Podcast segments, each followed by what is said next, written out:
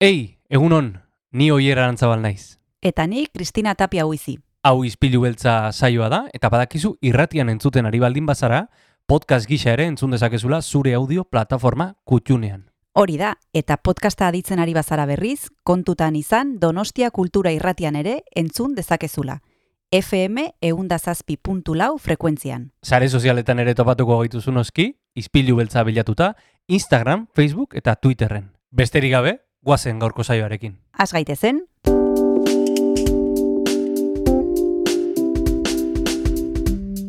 Ispilu beltza. Donostiako kulturaren berri, Oyer Arantzabal eta Kristina Tapia buizirekin. Egun honen zule abenduak amasei ditu ostirala da, eta ez dakit nondik egon gozaren hauen zuten, baina gu hemen gaude. Donostia eta kultura batzen dituen saio honetan, izpilu beltzean.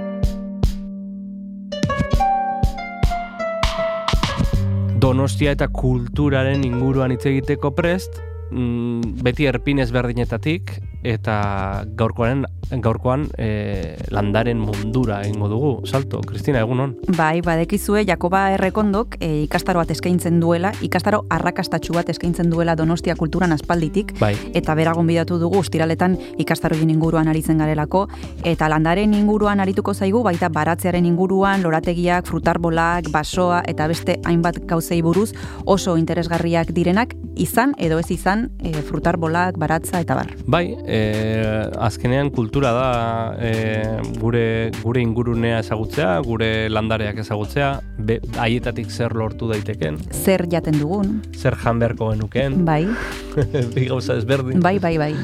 Eta Oso zorrotza jarriko zaigu Jakoba ikusiko duzu, eh? Ba, eta zer, zer kentzen dizkigun osasuna eta, eta bizitza, bizitza urteak. Mhm. Ea, ea ze kontatzen duen e, Jakoba Errekondo. Gainera, e, liburutegitara ere joango gora larraitz idarretarekin hitz egitera, aur liburutegi nagusira zuzen ere, eta berak ere, ba, e, Zarata do Maiorrean izeneko e, liburua ekarriko digu. Bai, Iban Barrenetxeak egindako liburua, Zarata Tomaiorrean biolin eta pianorako album ilustratua, Mhm. e, hausa- gauza oso oso ederra eta bitxia, eta berak konbentzituko gaitu irakurtzeko eta ikusteko, eta erosteko nahi, nahi badugu. Bueno, ba, bitu, ba, e, ea zer komendatzen digun, ea nola azaltzen digun liburu hau larretzi darretak. E, besterik gabe, agian e, Joni pasako digu txanda, Jon Gartziari, eta musikarekin hasiko dugu. Az dadila hori da gaurko izpilu beltza. Guazen.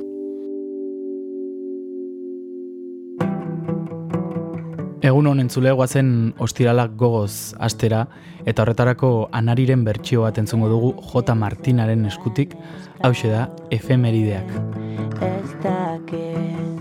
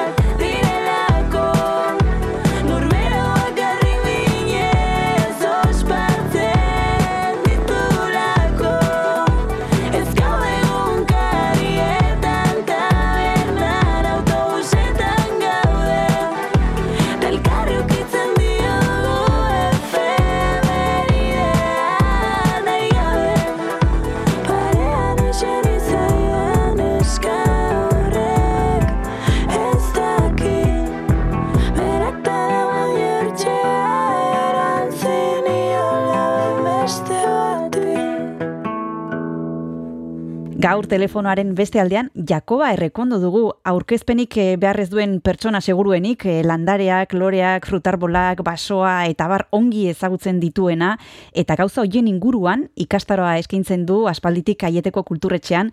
Egunon, Jakoba, zer modu zaude? Ondo, ondo, zueke bai. ongi, zurekin hitz egiteko gogoarekin, ze aspalditik eskaintzen duzu ikastaro hau, eta nik ez dakit eh, bertan zer ikasi aldugun, eta zeinentzat den, ze hasieran pentsatzen dugu, jo, igual, baratza izan beharko dut nik e, izena emateko, edo jakin beharko et pixka bat e, honen inguruan aldez aurretik, edo ez, esplikatu pilin bat Jakoba, e, zeri buruz e, hitz egiten duzu ikastarontan? Bueno, ba, e, asmua da landarei buruz, ba, jakintza orokor bat ematia.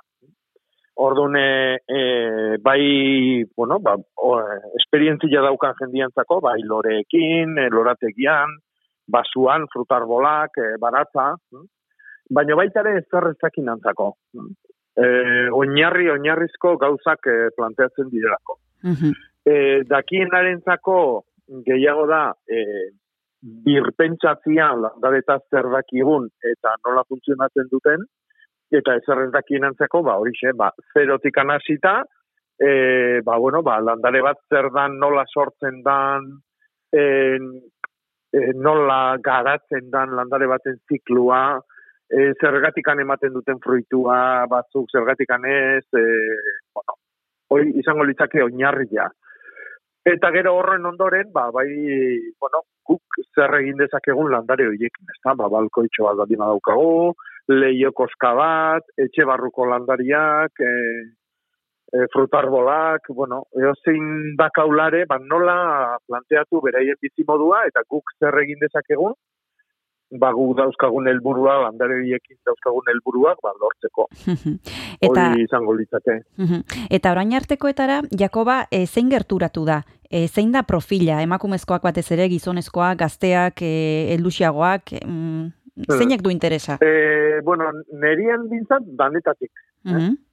Danetatik. E, nik emate dituten ikastarotan, jendia entolatzailea bat ere harritzen dira gizonezkoak urbiltzen diala baita ere.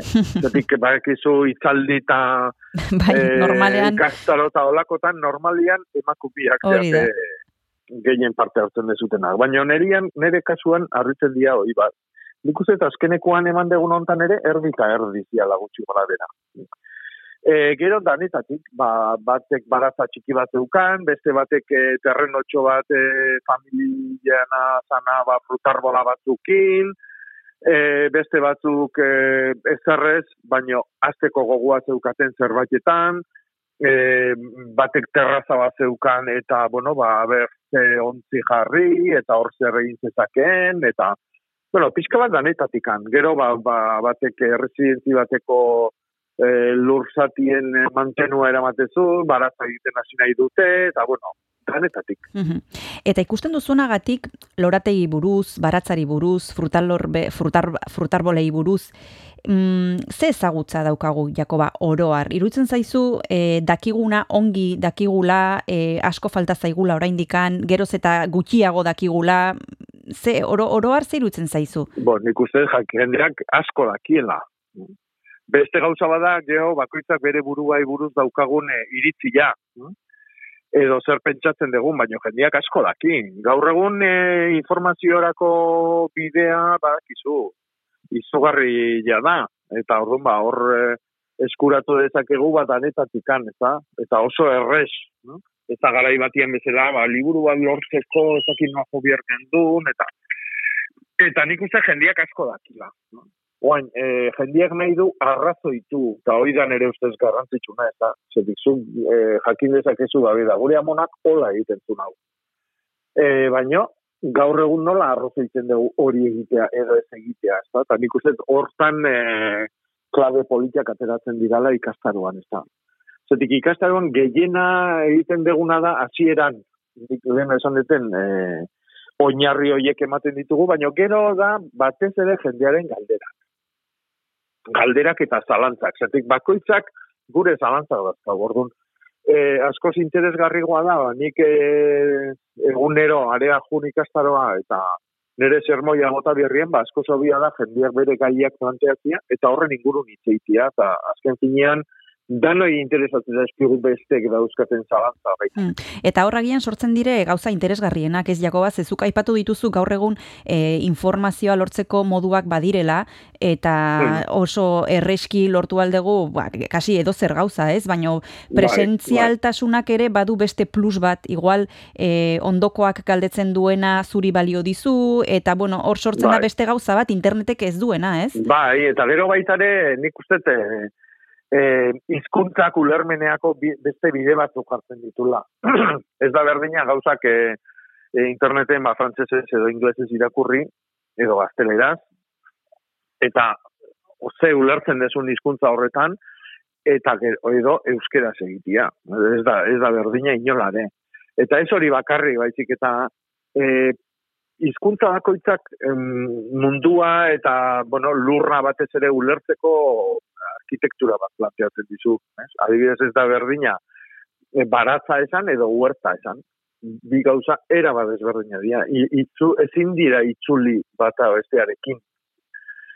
Eta guri, ba, askotan iritzeko, ba, ala, dala. Ez? Baina hori ulertzea nire ustez oso, oso importantia da. Eta hori presentzialtasunak ematen du, eta baita ere ematen du ba, bideo horrekin ba, gero bakoitzak beria, beria lantzeko ere. Zeratik, e, askotan irakurtzen ditugunean kanpoko gauzak e, joera daukagu gurera ekartzeko zuzenian, ezta?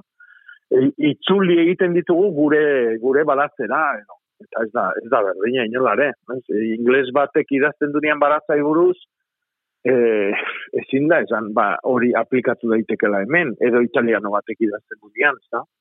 Orduan, e, nik uste e, ikastaruak balio dula kokatzeko, eta ez hori bakarri baizik kokatzeko zu, zure tokin, hau da, ez da berdina baratza bat, e, donosti jasai balimarria imaginatu, ba, ulian, ez? Toki gozo egutera batian, edo toki ospel eta iparraldea begira dagon mendi zelai batian, ba. Orduan, e, gero ikasi behar dugu bakoitzak gurera ekartzen hori. Eta or, orduan ja ez da kulturan konzeptu bat, baizik eta kokapena eta hori da politena baita ere. ez? Hori ikastea eta hori egin dezakegula jakitea. Ba, oraintxe bertan jarraituko dugu Jakoba errekondorekin hitz egiten, tartetxo bat hartuko dugu eta segituan gara bueltan.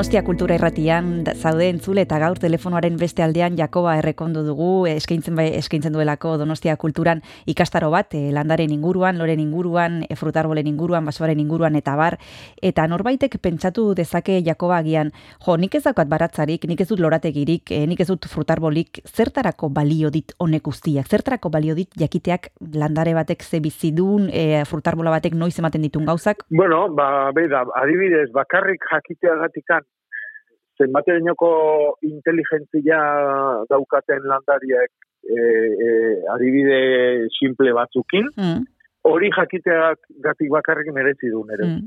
mhm.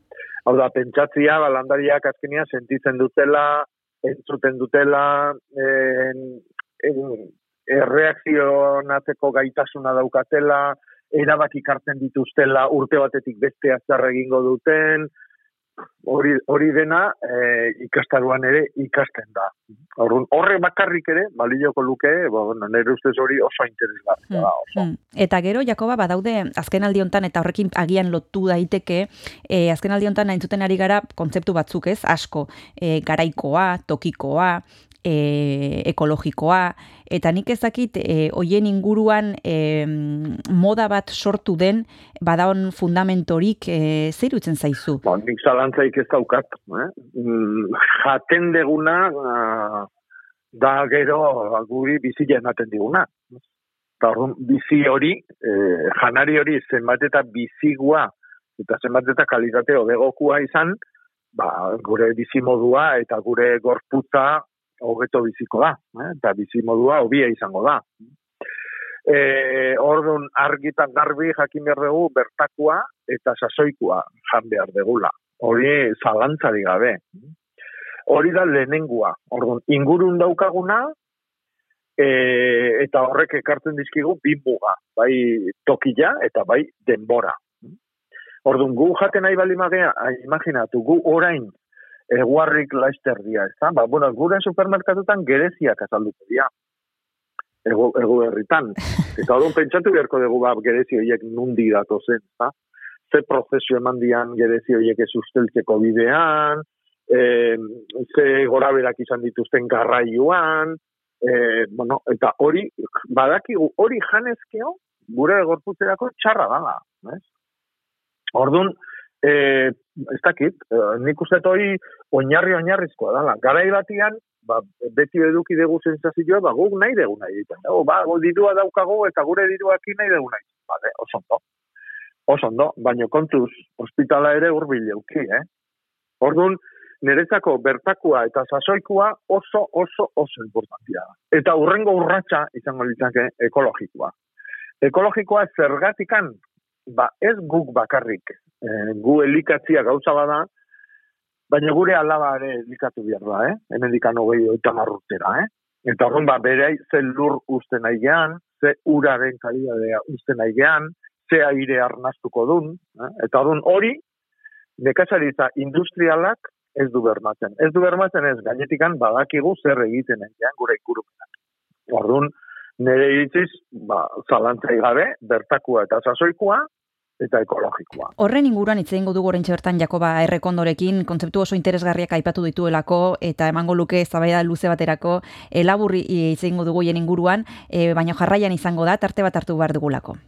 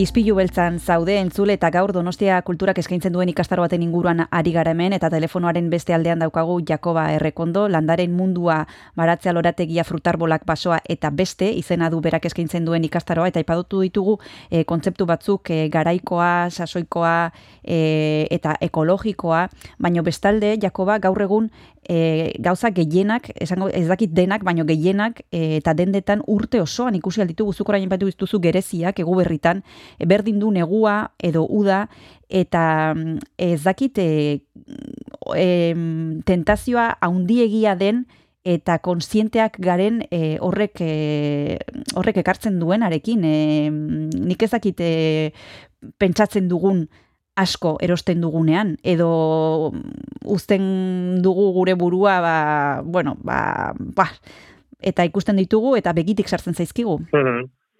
Bai, bai, zalantzaik ez dago, eta gaina horrela otxuta gaude, ez da? Gaude otxuta, baleno esan duguna, ba, dirua daukagu, eta edozein gauza eska dezakegu, eta eduki behar dugu gure eskuera. Ez? E, baina, bueno, hori gero ja bakoitza jakin behar. Ja, dagunea, dauneako nahikoa badakigu e, horrek ze ekartzen duen, ingurumenaren kaltetan, ze ekartzen duen gure osasunaren kaltetan, eta hori egiten jarraitzen duenak, ba, beha jakingo du zertan nahi dan. Baina garbi izan behar dugu hori, ez? Ba, denentzako txarra dala, txarra da hori.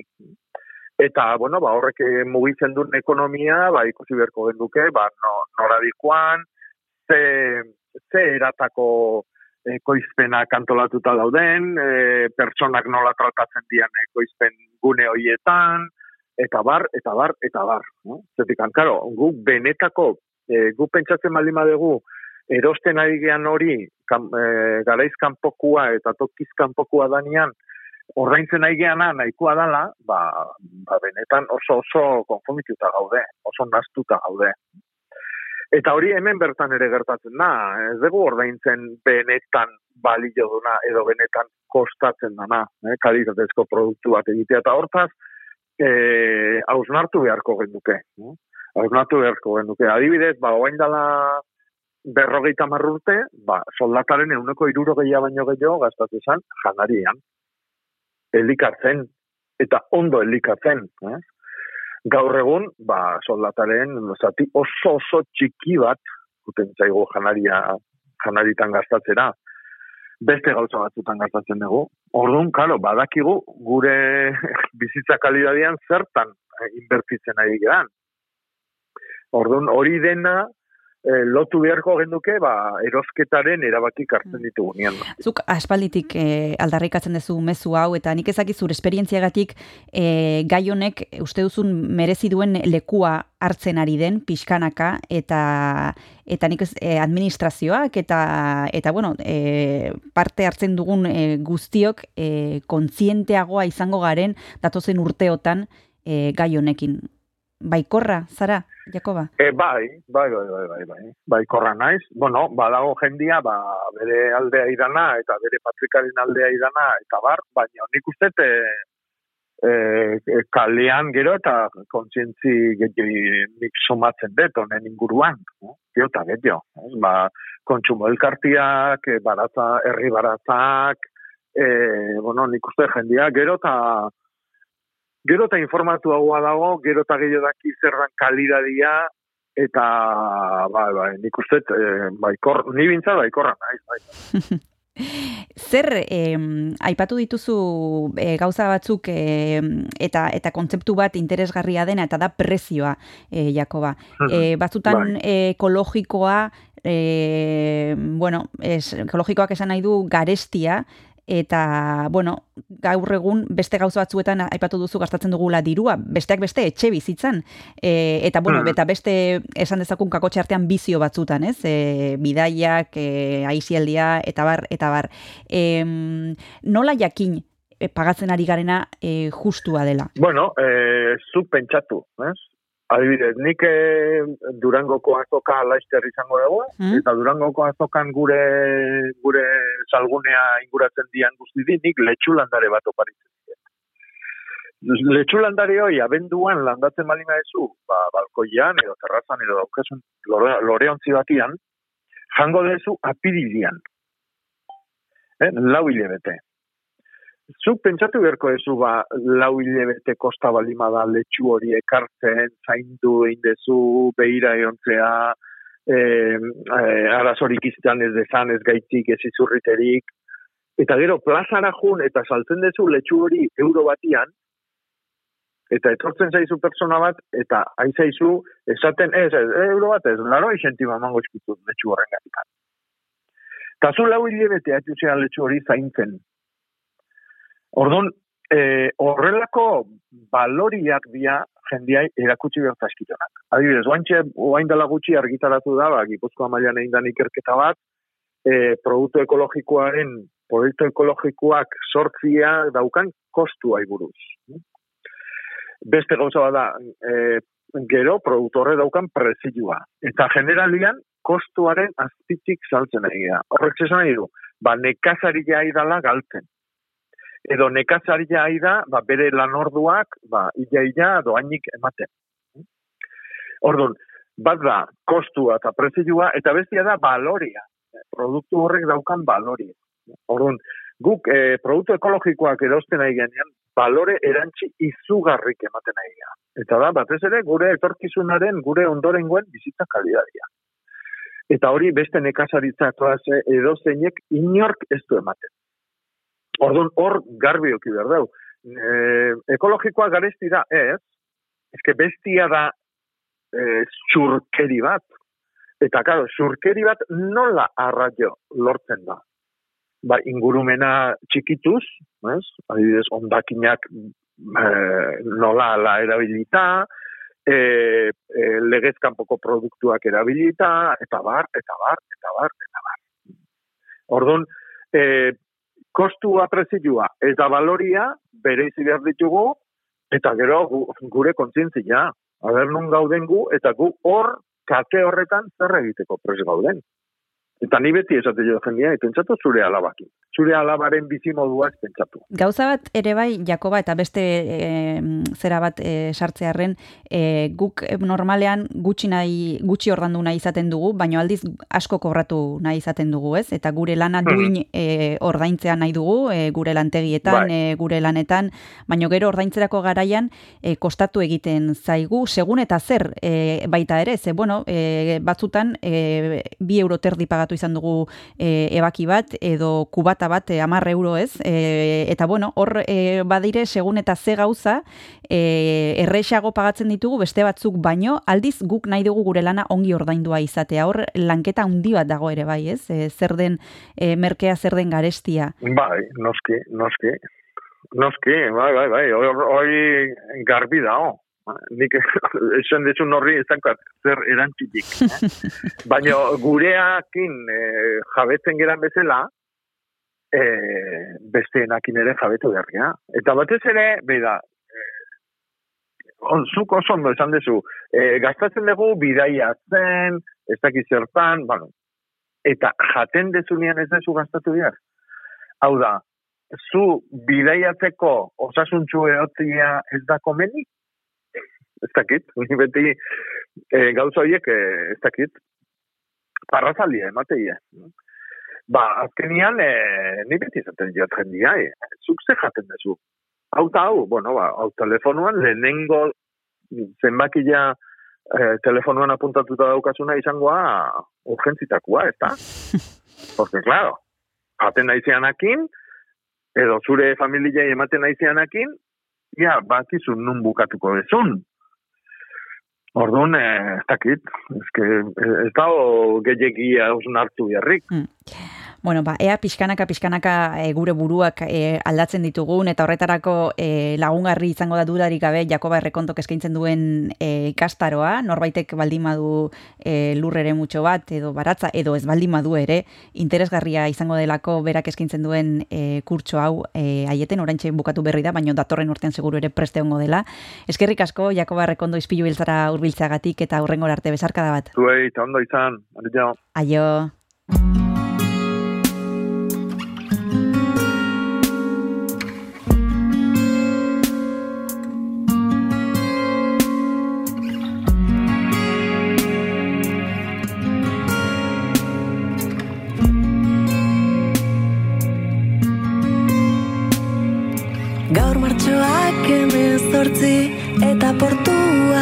Bibarku noiz erori da sabaia ta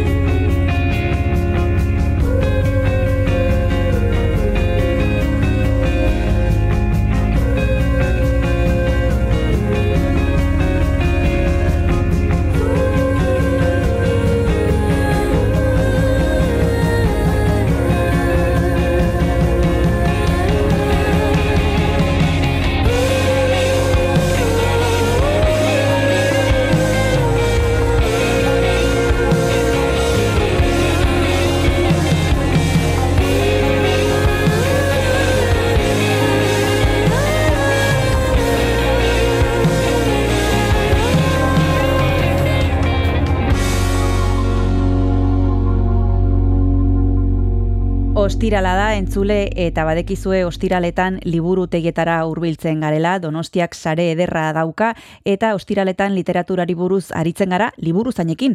Nor hobe, kasu hontan telefonoaren beste aldean larraitz idarreta daukagu eta berak gaur ekarri duen liburuak izena du Zarata do Maiorrean biolin eta pianorako. Iban Barrenetxeak egindakoa da eta kontatuko digu, bueno, bitxikeri bat da, nik uste dute orain kontatuko digu berak zergatik aukeratu duen, egun larraitz zer modu zaude? Egun no, oso ondo, oso ondo. Bueno, Ja, gabo, gabonen usaien. bai, eta gauza pila bat daude, e, Durangoren arira, e, gabonen, gabonen arira, liburu mordo ateratzen dira egunotan, eta zuk ekarri duzu, nik hasieran esan dut bitxikeri bat, eta hori iruditu zait neri, ez dakit zuk ze pentsatzen duzun, e, ze oso kuriosoa da, orain azalduko duzu nolakoa den liburu Bai, hau, bai. baina lehenbiziko larraitz, zergatik ekarri duzu liburu hau e, gaur? Ba, ba, razoi askoren gatik, Hmm. esateko. Mhm. Ba, batetik, e, liburu oso humoretsua dalako. Eta e, nik behintzat irri, irakurtzen ari nintzela, irribarreak laguntzen nindun e, denbora guztian da. Nik hori askotan eskertzen dut, ez? E, pixkat, e, gozagarri e, izan daitezela e, irakurketak. Bestetik, e, asko gustatu zitzaiten, e, gaia ez izan arren, azkenean emozio eta zari da e, liburu hau, batez ere aserrearen ingurukoa. Eta ez da errez eta liburu bat. Alegia, literaturaz baliatzen da, emozio hitz egiteko. Naiz eta gaia musika izan. Gero, visualki, osea, da oso oso da liburu bikaina. Detaiez josita, bueno, ba, ederra, e, eskuartean izateko ere, ba, obietu eder bat, da. E, gero ere, edo nork irakurri dezakelako. Akaso, zero iru urte, iru lau urte arte, pues, agian marrazkiak eta hainbeste detaile dituzte, ba, ez dala egokia. Baina hortik aurrea, nahi du nantzako. Eta gero ere aukera ematen dolako e, ere, liburu honek. E, gero azalduko dugu, sekuentziatuta dijo historioa, orduan, e, egoera bera deskribatzen da, nola baite, baina ezberdintasuna gaude horri alde batetik bezala. Eta horiek antzematea oso divertigarria izan daiteke. Eta, bueno, ba, beste arrazoi asko daude, baina nagusiki hoiek nabarmenduko nituzke. Bai, e, esan dezakegu bitxikeri hoien artean zuk aipatu dituzu batzuk eta goazen pixka bat e, sinopsia kontatzera e, protagonistak okerrez banago e, neska bat eta mutiko bat dira, e, musikariak dira eta zuk esan bezala emozioi buruz arituko dira e, liburuan zehar hogeita ba, masei horri alde dira guztira eta marrazkiz josita dago, ze, ze pasatzen da e, liburu hontan? Ba, gertatzen dana da, azteko daude bi ume, gero jabetzen gea, e, anai arrebak direla edo, eta e, ensaiatzen hasten dira, alegia. Musika jotzen hasten dira, elkarrekin, oso gustora, batek e, mutikoak pianoa, eta neskak bibolina. Eta zeran ondo doa dena, baina ba, baten bate hasten da ba, desafinatzen. Eta orduan ba, e, ze gertatzen da, ba, desafinatzen dugunean, ba, gure buruarekin azerretzen gea, eta gure buruarekin azerretzeaz gain, ondokoarekin ere. Eta hoie, ba, beste, beste beste gertatzen zaie. Eta elkarrizketa batean, oso elkarrizketa kuriosoan, sartzen dira, eta e, liburuaren ezaugarrietako bada, e, norabait esatea dakagu e, album bada, eta mutua dala. Ez dazka e, elkarrizketari. Baina hori ere ez da guztiz egia. Zeren musika hizkuntzaz baliatzen da, aurren arteko azerraldi hori adierazteko. Ba, adibidez, motikoak desafinatzen du, azerratzen da, eta elkarrekin artean hasten diren elkarrezketa oso kuriosoa da. Eta batek esaten du, prestissimo, eta besteak erantzuten dio, dolcísimo con expresiones. Beste alako batean, subito, con brio. Eta bukatzeko, hori polita da, batek esaten du, moderato, eta besteak esaten dio, moderato. Eta holaxe bukatzen da, ez? Askotan, ba, gure gure azerraldien antzera. Eta eta horixe, e, gero giro, oso giroa ere, edo ze garaian dagoen kokatuta, ba, nabarmenduko nuke. E, esan dugu protagonistak bi umea diala, baina zeharkako bi protagonista ere badaude, o bigarren mailako bi protagonista. Batetik, Beethoven bera, e, kuadro batean agertzen dana, eta etxeko katua. Egoera guztia egongela batean gertatzen da, ez da edo, edo de, egongela gure etxekoa bezalakoa, baizik eta nik uste Beethovenen garaikoa, mezortzi, amazazpi, mezortzi garren mende ingurukoa, ba, ez dakit, jauregi bat da, e, ba, kortino jauntikin, da, bueno, oso egurrezko altzari ederrak, pianoa ere ez da nola nahikoa, bueno, ba, giro erromantikoa isladatzen du. Oso ondo. Tartetxo bat hartu behar dugu, larraitz, eta horretarako Bai. abesti bat eh, jarri behar dugu. Ezakite zerbait pentsatu duzun, bestela gu jarriko dugu zerbait. Ba, pentsatu dut, e, Beethoven bigarren pertsonaia denez eta musika zari garenez, ba, ez dut topatu, zehazki, e, izenburuak daukan izenaren sonatarik, baina e, Beethovenek baditu violin eta pianorako sonatak, eta ba, hoietako bat. Ederki, bagoazen entzutera Beethoven.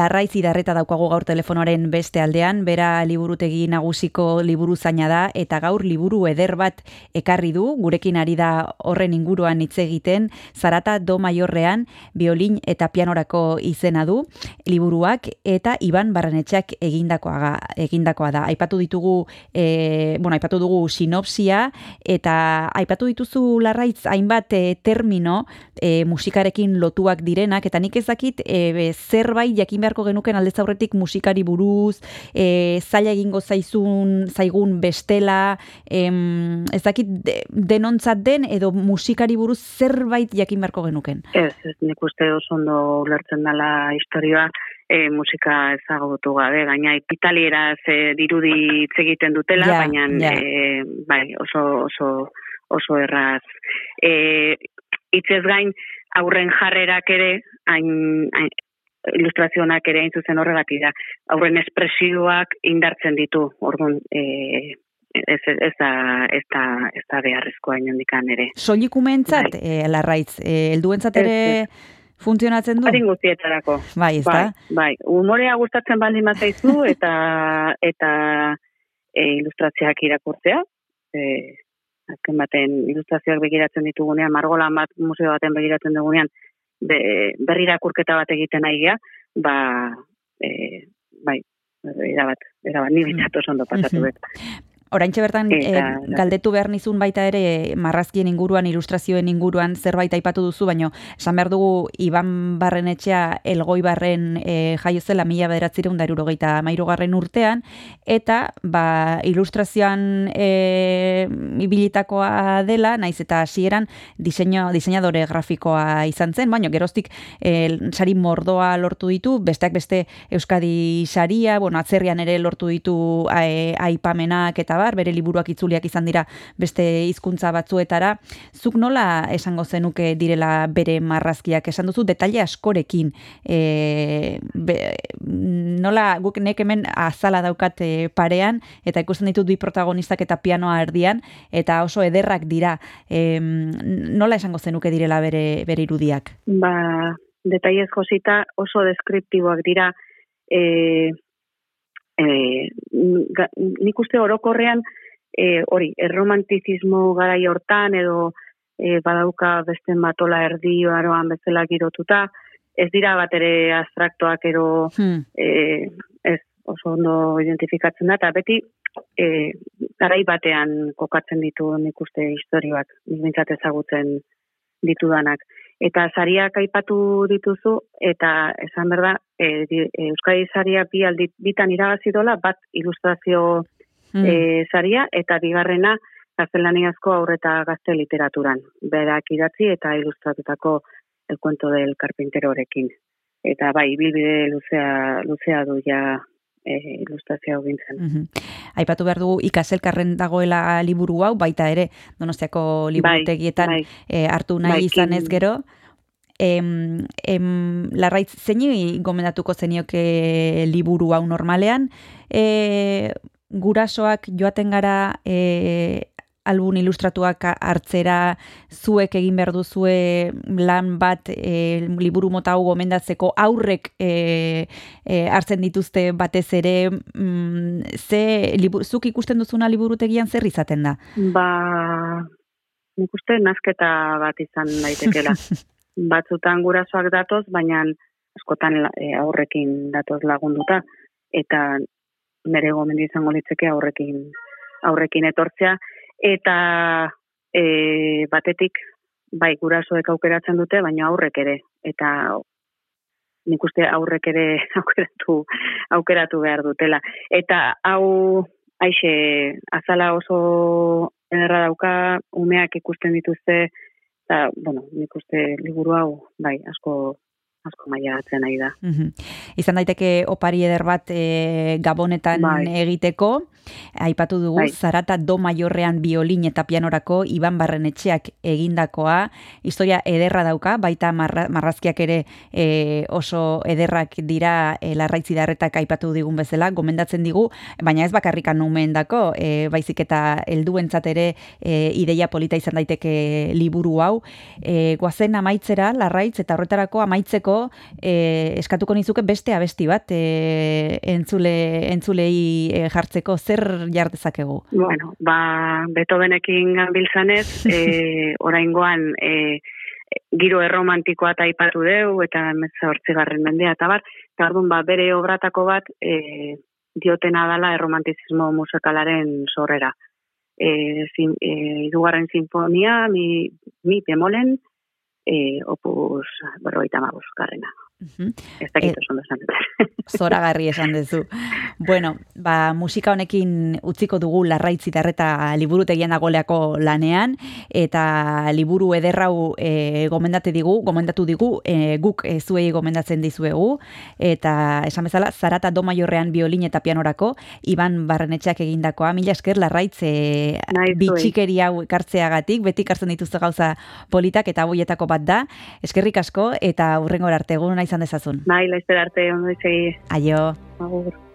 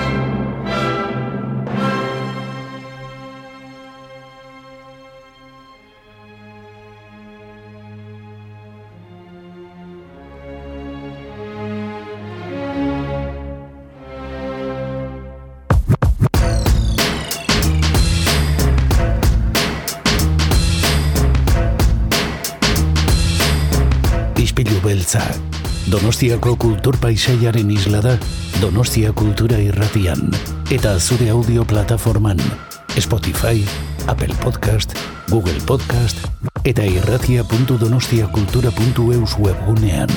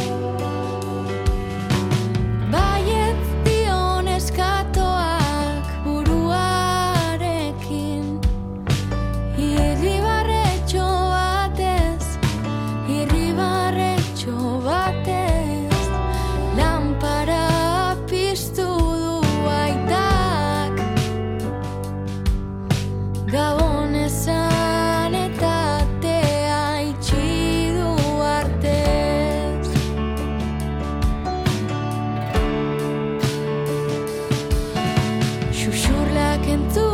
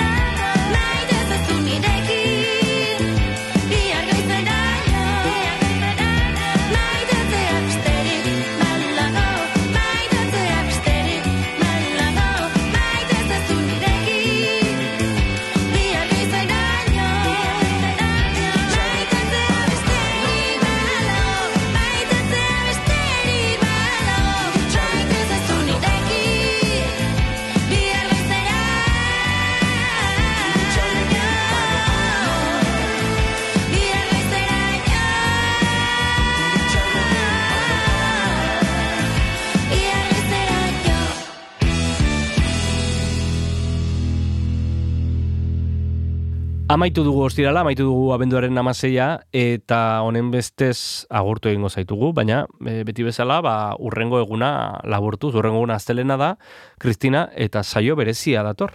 Oso berezia, ze astelenean kasares ere joango gara, oier lan egitera, zer utzen Ze zaizu? bai, zu, Altzara. Sustraietara, Oso ondo. eh, kasares irretiaren sustraietara. Bai, bai, eta bertan egingo duguna da amaika entzuteko e, irratipiza lehiaketako irabazlekin hitzegin batetik eta gero epaimaikidekin ere bai, kontatuko digute nola izan den aurtengo edizioa eta oso programa berezia eta polita egingo dugu bertatik. Eta izango dugu aukera e, pieza hauek entzuteko Hori da, hori da, oso interesgarria ikusiko duzu, oso ondo pasatuko dugu. Ba, betiko bideetatik entzun izango duzu, Donostia Kultura Irratian FM 107.4 frekuentzian zuzenean, edo diferituan, ze guardian eta gauean ere errepikatzen da, edo nahi balin baduzu, nahi duzun momentuan, e, zure audio plataforma kutxunean bertan arpidetuta aurkituko gaituzu. Besterik ez, besarkada bat, eta astelen arte. Aio. Aio, aio.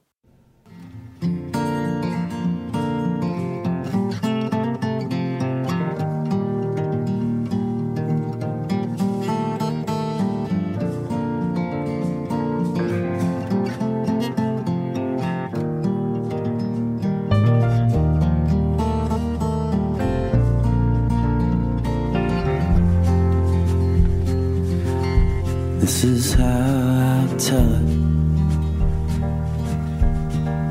Oh, but it's long. One Sunday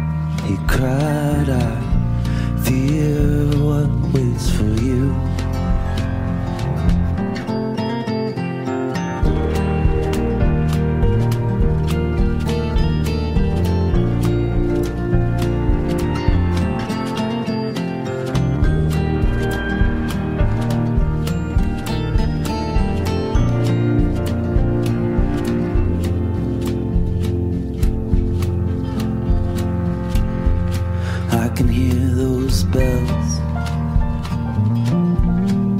Spoken and gone. I feel relief, I feel well.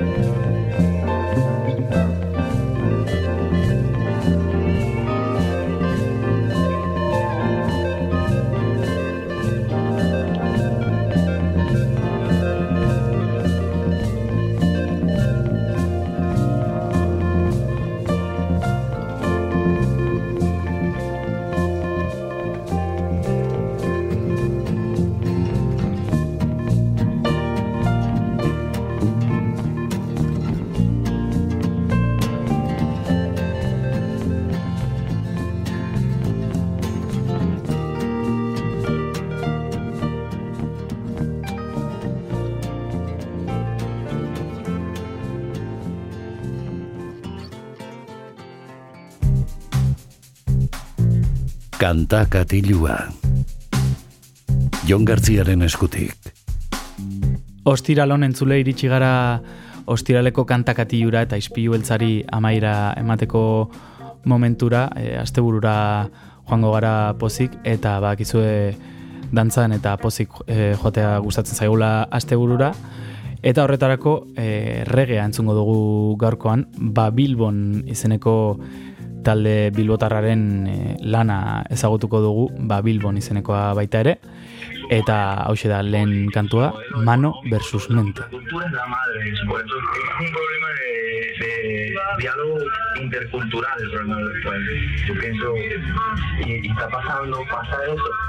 Es una, una figura, un presidente que habla por la inmensa mayoría, habla como la inmensa mayoría y se ha votado una cantidad de veces porque se cree que ese es el camino. Lo creemos la, la autodeterminación de los pueblos, ¿no? la no injerencia. Sin embargo, bueno, la industria, la industria cultural, tú sabes que trabajan todo lo de modelar los gustos. Y modelar los gustos para qué? Modelar los gustos para el consumo, modelar los gustos para un modelo de vida que tal vez nos está dejando de decirnos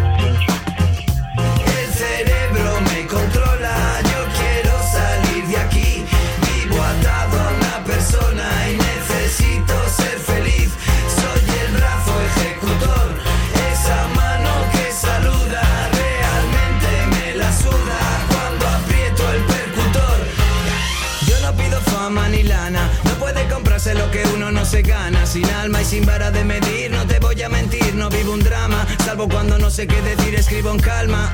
Apuro mi porro de rama, me aseguro de elegir bien la palabra. Esquivo el arma, muros de carga, no sé qué trama. Mi mente clama una prosa oscura y larga.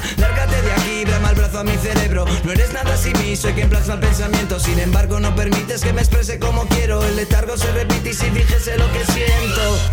Yo que acaricio cuando amo, formo un puño con los dedos de la mano si reclamo los derechos de este ser humano. Lo abro de plano y la estrecho para saludar a mis hermanos. Úsanos para calcular, para jugar con tu celular, para limpiarte cuando empiezas a sudar. No voy a dudar en proteger tu yugular. Al fin y al cabo no puedo marcharme a otro lugar. No puedo separarme de ti ni aunque quisiera. Si alguien me diera libertad haría que muriera. Si tuviera que pedir, pediría ser cosilla. Al menos no tendría que sentirme como una colilla.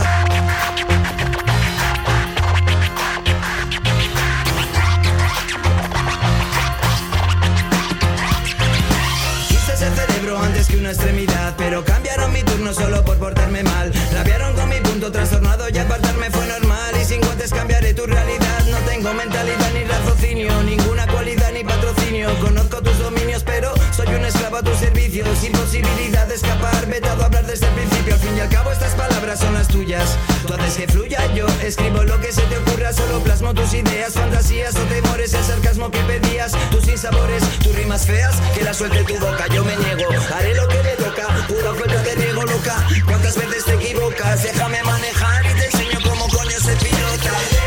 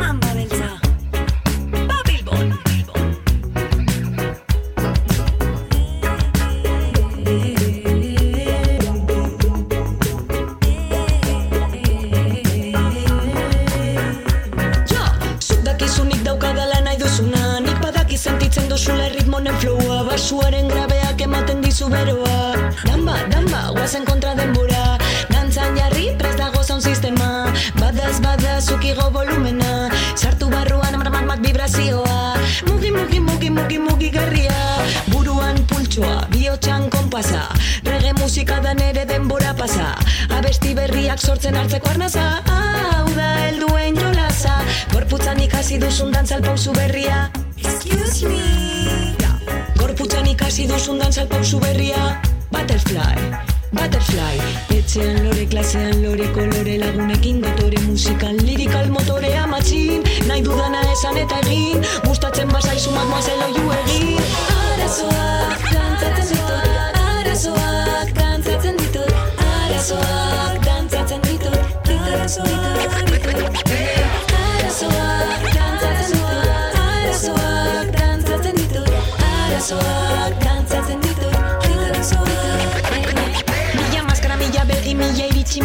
aurpegi, mila musu, mila bezarkada eman gabe Mila beldur,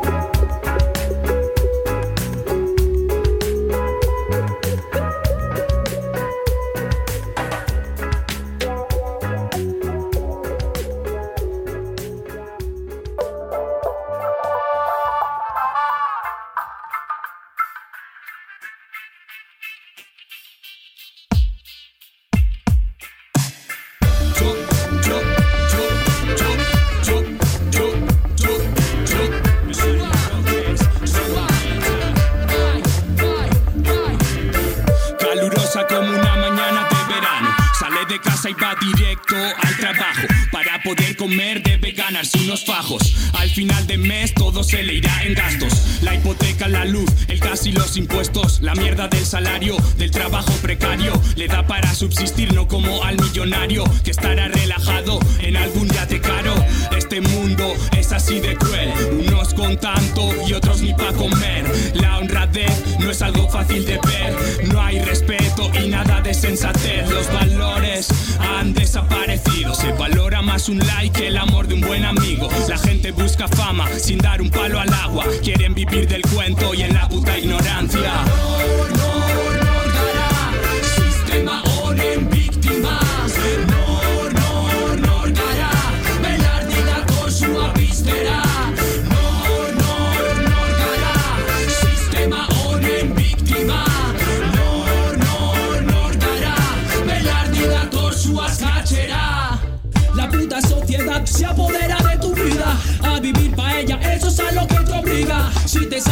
camino, tiro en la rodilla Y pistola en la boca hasta la campanilla. Crea sus normas pa' tenerte controlado. De esta manera te conviertes en su esclavo. A las mujeres los grilletes del patriarcado. Qué estúpida la existencia del ser humano. Esclavizado, así vive el ciudadano. Sufriendo la opresión de su propio estado. Como un joven hilderiano con el cerebro lavado. Un pueblo silenciado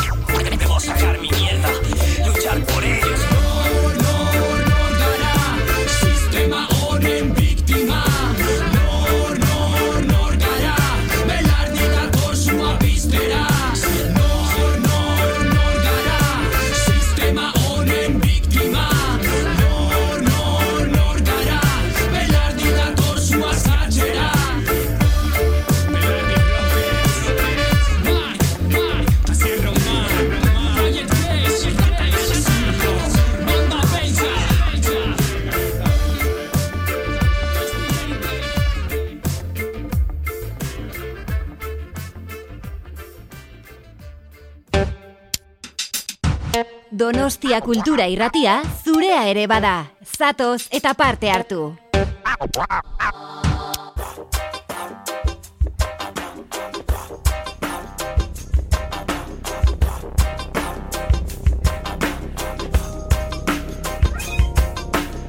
Yo no nací en el gueto de Kingston Town, nací, crecí aquí y aquí resisto aún. Conozco la raíz, entre hojas me enredo, rulo con los rudos y el barrio trae ruido.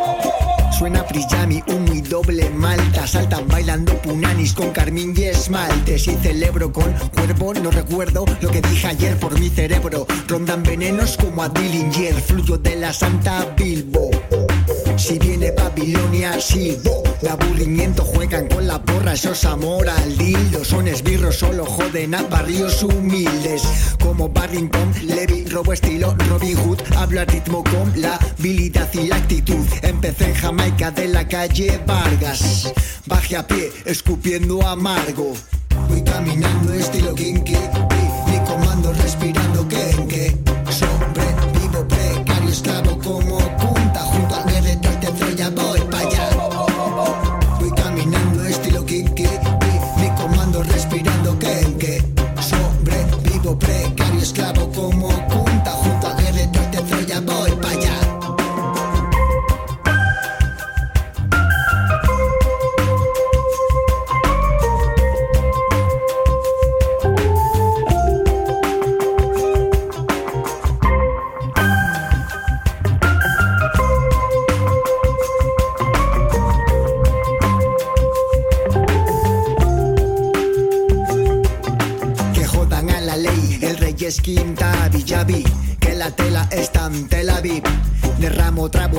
no es un déjà vu. Descansa en paz original, ambasada vi. Crecimos sin un clavo, claro, hablo en clave. Diablos, te hacen esclavos sin ni un clavel. Mi mensaje saca su placa, cagué. En esto no cambié, ni auge ni declive. De farra ando como un creep, flipo mi peli, vuelvo a Kelly como Pat. El puente con mi gente vestido con frac o con chándal en tu VIP. En estéreo mi parcero hablan cumbia. Se crió en Colombia. Cambia y suena gambia. Huele a gumbo. A mí me guían Lee Perry, George Clinton. Sé que lo importante no es llegar, es caminar distinto. Voy caminando estilo kinky. Mi comando respirando que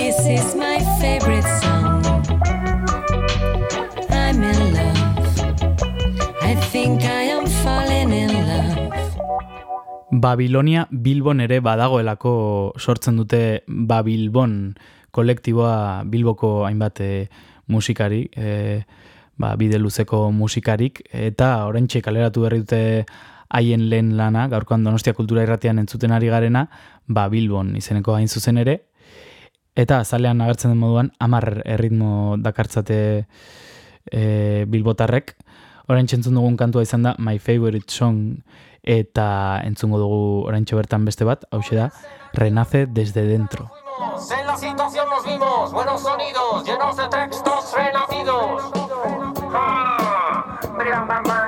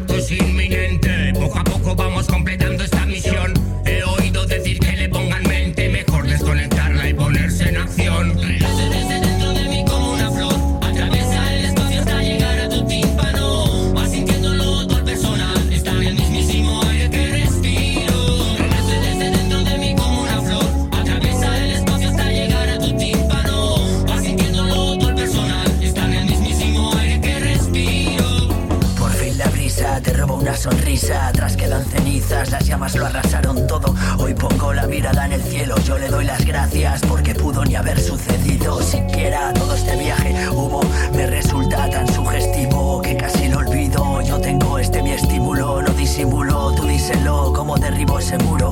¿Qué fue lo que me contuvo? No lo sé ni lo sabré y no me importa. No espero una disculpa, aquí no hay víctima porque la busca.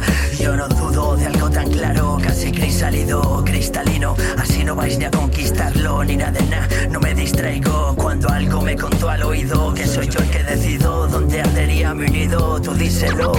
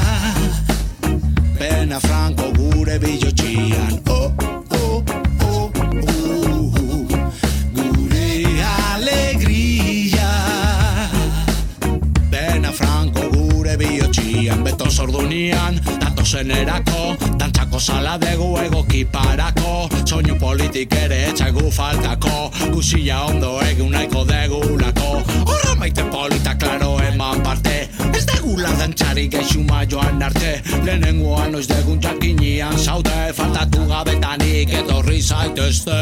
Etorri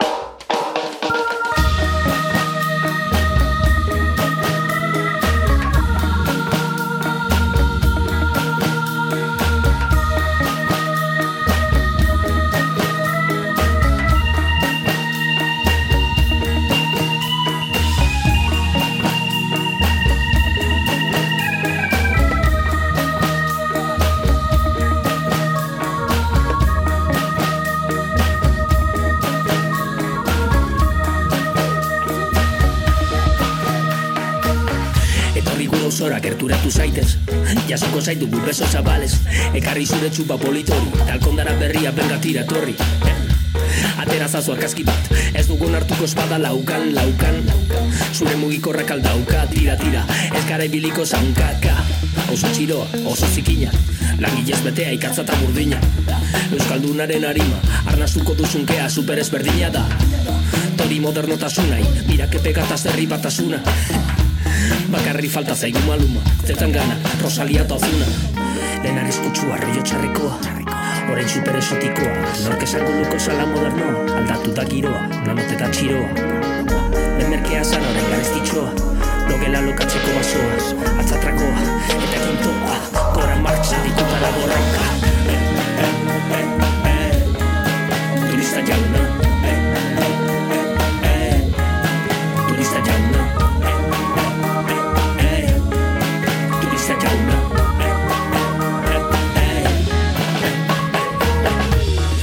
Encefalograma launa Zure agurtzara jaungo gara launa. Bosna, seina, ososoko fauna. Korrika egiteko presalditu zu belaunak Etorri txera mona ezagutzera. Etorri benetako oso txiro batera. Ezikaratu, odola ikustean. Ez negarrik egin orain begira aurrera. Erraiak eta zainak, odolosteak. Etorri gurekin dantzatzera Etorri, hankarik gabe saltoak ematera.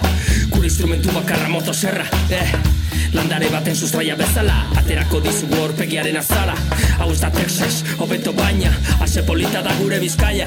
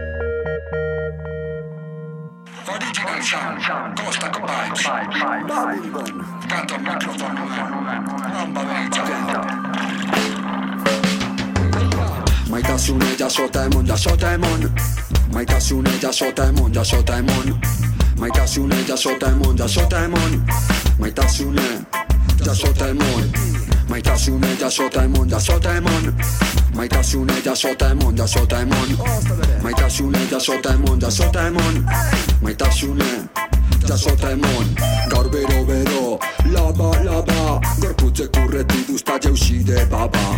Jantzan hasitzek endude gure zama Jantzan hasiko dia mumatama Rege dakaru gozateko mundo danak Desertuko aizin ez da boiana Oasi txiki batega zurez landara.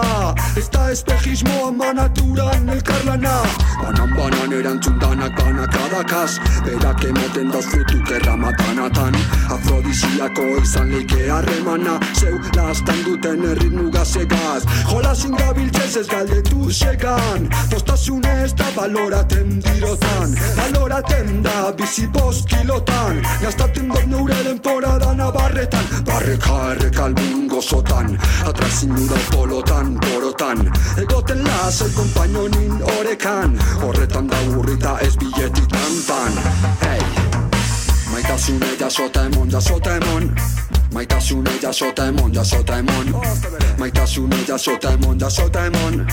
Maitasune jasota emon Horatu aldiro low Astiro, astiro, zutetik berpiztu. Astiro, astiro, Fenixe barriro. Ikusi estilo, kostako vinilo Aurrera behituteko bentsamentu gaz bizi gara Egozentrismo alde batera landu elkarlana Neutaso, zeukemon, zeutaso, neukemon Hori da, hori da da da da na. Guana na na na, guana na na na. Txapela zeuretzako ez tokure izan lelena. Guana na na na, guana na na na. Maitasunen injarra doblega ezin da Maitasune jasota emon, jasota emon Maitasune jasota emon, jasota emon. Maitasune jasota emon, jasota emon. Maitasune jasota emon. Maitasune jasota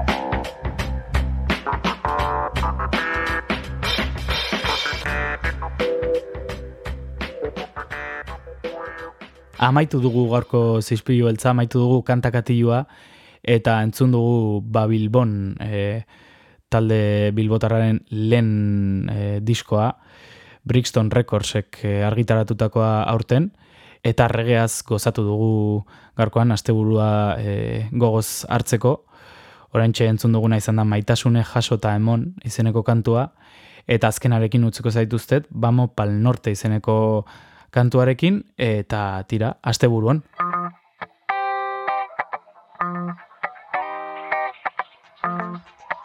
Desde la torre del puerco. Desde el pago del humor. Virtual Factory, la. Virtual Factory.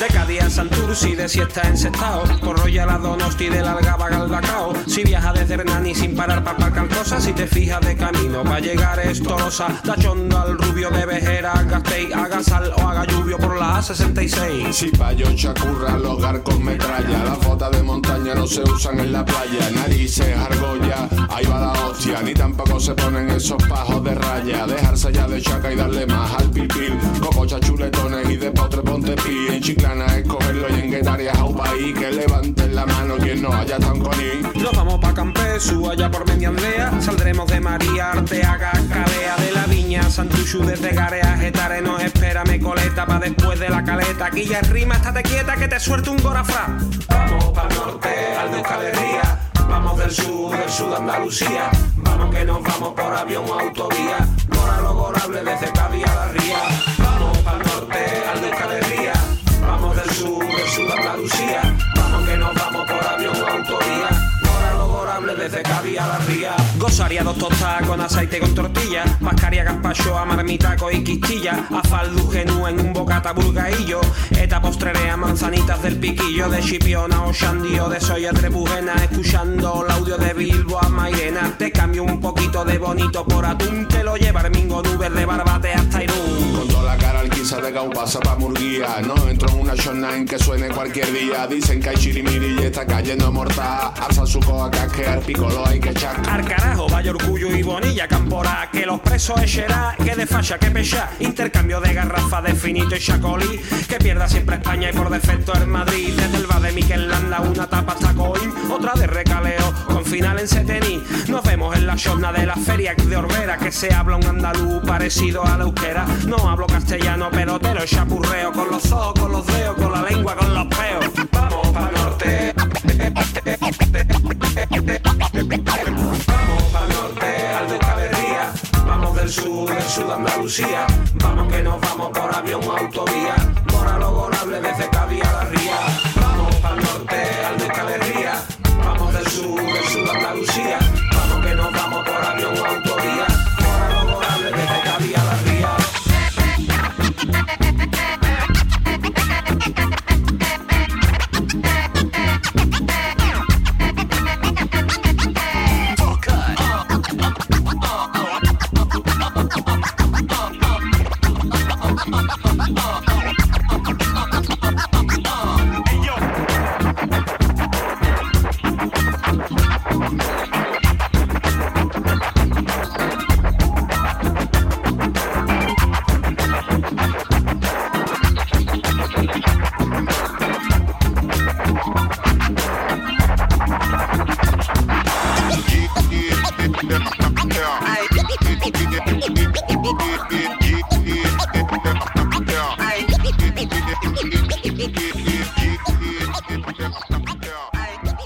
Ispilu beltza podcasta entzungai duzu irratia.donostiakultura.eus webgunean, Spotify, Apple Podcasten, Google Podcasten edo zure audio plataforma kutxunenean.